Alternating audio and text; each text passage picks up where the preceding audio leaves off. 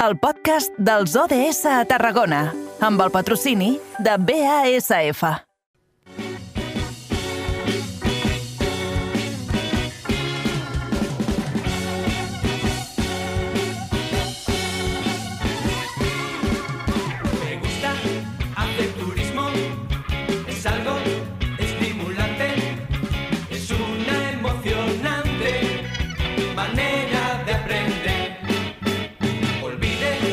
Oh, i tant, que és estimulant, emocionant eh, i, i, i gratificant si volem eh, aprendre a fer turisme. Mira, m'agrada molt eh, que eh, haguem canviat aquestes eh, sintonies. És la gran sort de tenir un realitzador tècnic del programa que, a banda d'aquestes eh, dots en el control no? a l'hora de punxar una trucada, donar pas a un convidat, engegar un micròfon o connectar una càmera, eh, sigui eh, periodista, que mira també doncs, de donar-li aquest eh, toc i aquesta mm, altra manera d'il·lustrar les coses amb eh, contingut musical. Mira, el podríem presentar fins i tot com, eh, com el nostre company David Fernández, que en sap un niu de, de, de, de qüestions relatives a, a, a la música i les sintonies. En tot cas, va, no ens emboliquem més, eh, centrem-nos, aturem-nos als estudis de BX Ràdio, perquè allí tenim el nostre company Miquel Llevaria. Miquel, bona tarda, bon dimecres. T'he vist ballar. Sí, és que pel que sembla tenim aquí el DJ Càlvaro, que ell em va dir, escolta, algun dia te, fic- te canviaré la cinturó i jo em vaig dir, endavant, que ets com un artista. Molt bé, i tant, un artistàs. Escolta, uh, precisament això ens serveix per uh, introduir-nos de ple en la temàtica que avui tractem. Indústria, innovació i infraestructura vinculat en el uh, turisme, objectiu de desenvolupament sostenible número 9. Ah, Exacte, sobretot ens centrem en la part d'innovació, no? perquè en aquest cas ens centrem en la innovació en el camp del turisme i recordant un concepte que moltes vegades hem parlat, que és el d'economia circular. El Patronat de Turisme de la Diputació de Tarragona i el Centre Tecnològic Eurecat van organitzar una jornada que es diu Economia Circular i Turisme, un nou full de ruta, d'on se'n van treure algunes conclusions. I a més, arrel d'aquest, s'han organitzat un parell de xerrades aquí a la província de Tarragona per aprofundir en aquesta economia circular aplicada al turisme. La primera, ens anem a Terres de l'Ebre, Tortosa, el dijous 16 de juny, i a l'endemà, 17 de juny, a la Costa Daurada, a un municipi del Baix Camp que estimem i enviem una abraçada, que és Cambrils.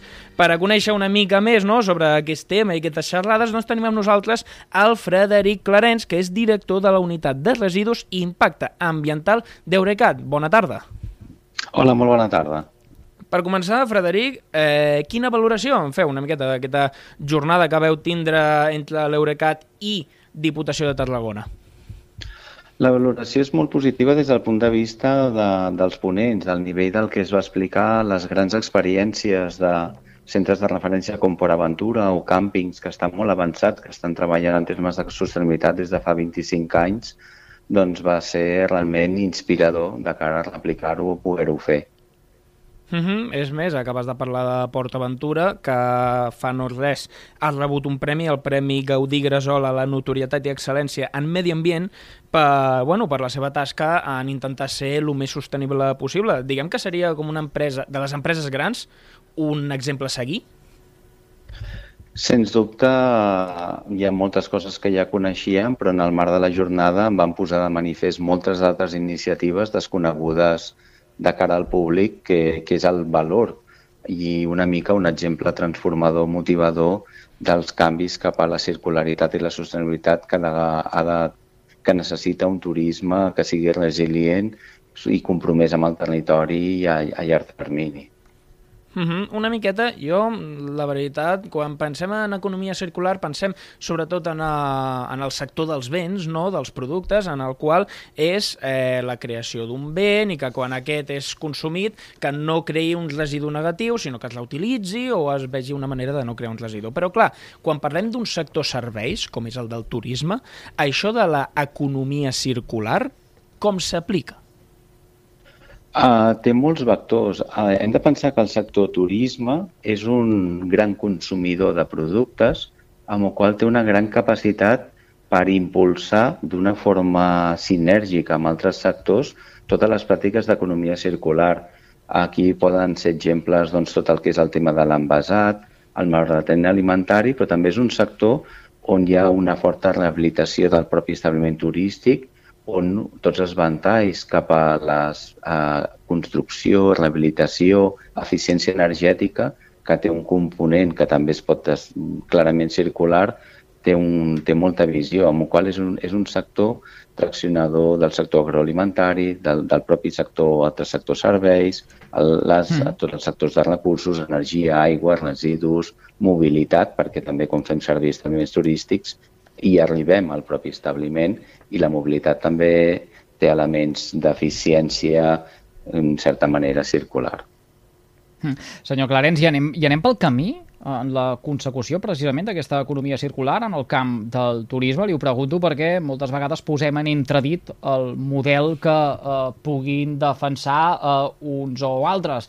Parlàvem ara, per exemple, del cas d'èxit de eh, Port Ventura, però n'hi ha un altre, segurament en ment ara mateix de molts dels nostres oients, aquell serial eh, que mai s'acaba, entorn del projecte del eh, Hard Rock. Eh, seria, per exemple, eh, un model d'èxit en aquesta economia circular també?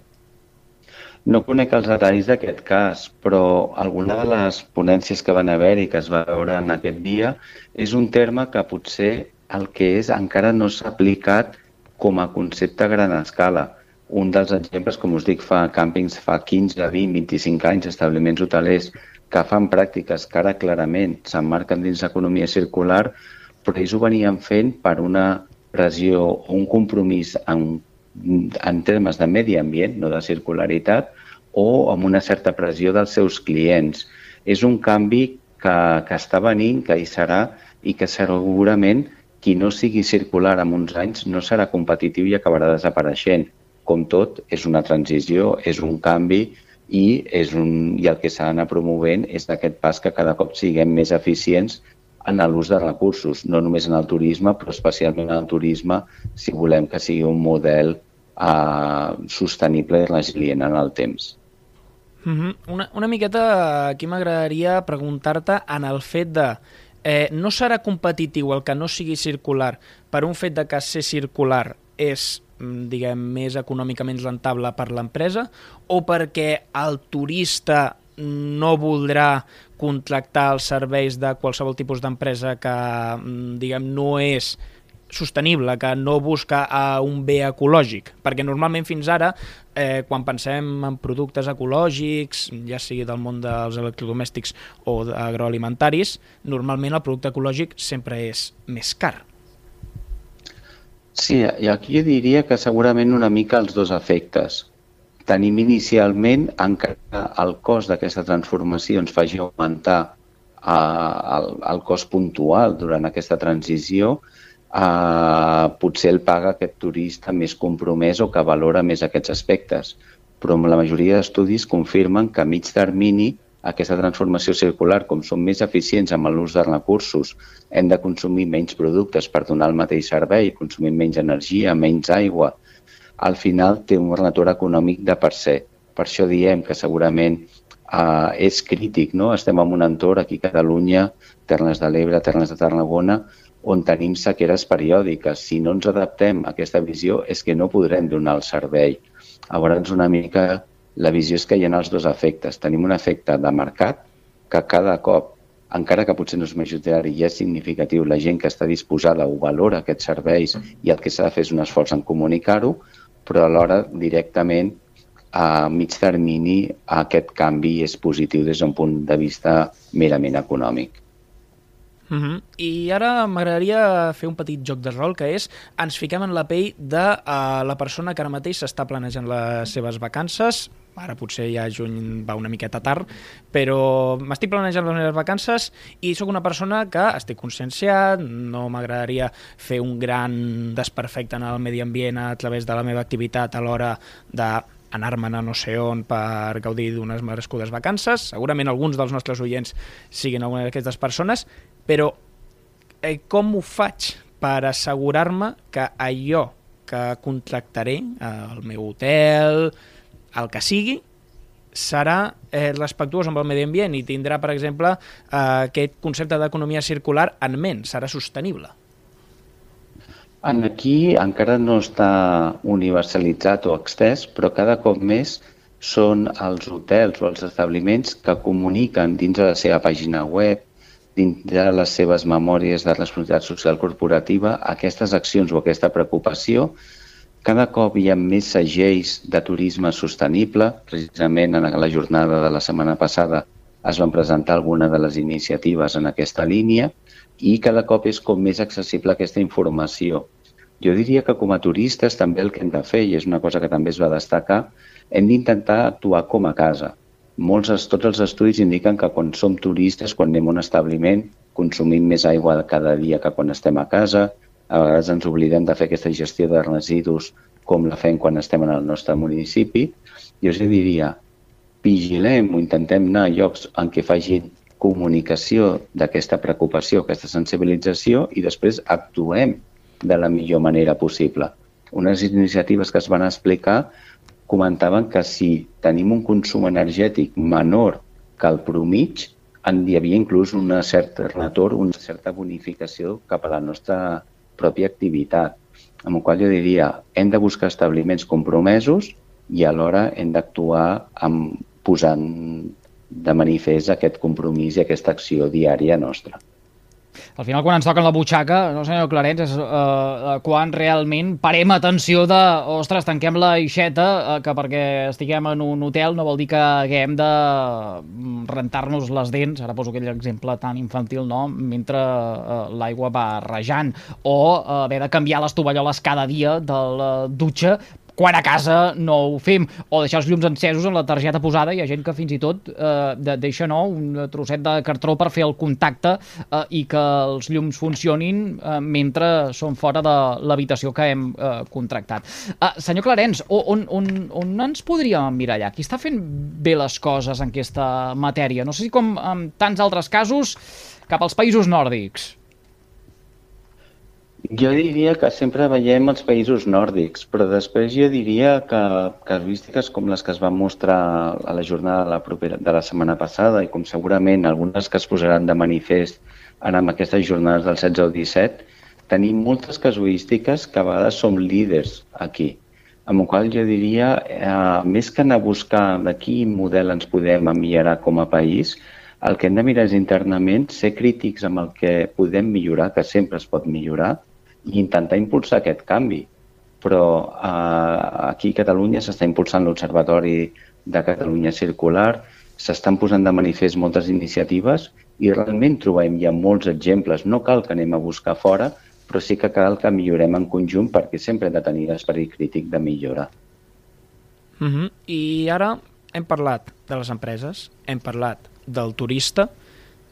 Les institucions quin paper o quins canvis tindrien que fer ara mateix en quant a aquest canvi de model?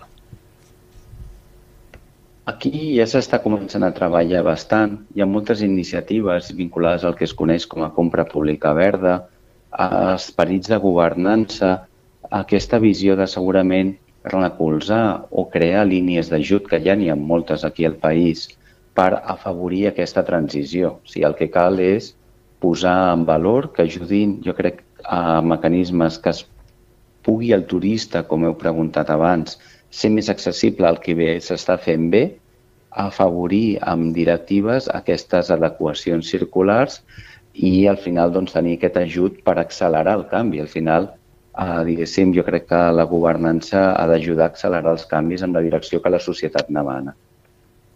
Uh -huh. I també eh, per preguntar-te sobre aquestes xerrades que hem dit i que recordo la setmana que ve, 16 de juny a Tortosa i 17 de juny a Cambrils, eh, sobretot per a qui van destinades? Va destinat per l'empresari, que té un negoci relacionat amb el turisme i podria fer alguns canvis per ser més sostenible, o va destinat més al turista, o va destinat una miqueta a tots, a tots els públics, per dir-ho d'alguna manera? I principalment va destinat a, als empresaris, a les petites empreses, però estem parlant d'un sector molt ampli, amb el qual jo diria que mm, no hem de veure només l'empresari, hem de veure a vegades propis treballadors, perquè la motivació dels treballadors que entenguin realment, no? inclús quines són les diferències, circularitat, sostenibilitat, medi ambient, tu quantes abans productes ecològics o orgànics. No? Hi ha molta visió i també pot anar molt bé que en aquest efecte sinèrgic Després ja com a usuaris, com a persones, a vegades rebre un coneixement més tècnic o de més profunditat també ajuda que siguem més exigents amb els serveis que ens donen, però principalment estan enfocades a les pròpies empreses, pimes, empresaris, treballadors del sector, perquè puguin, Mm. diguéssim, a, aprofundir en aquests temes i, com deia, accelerar aquesta transició tan necessària.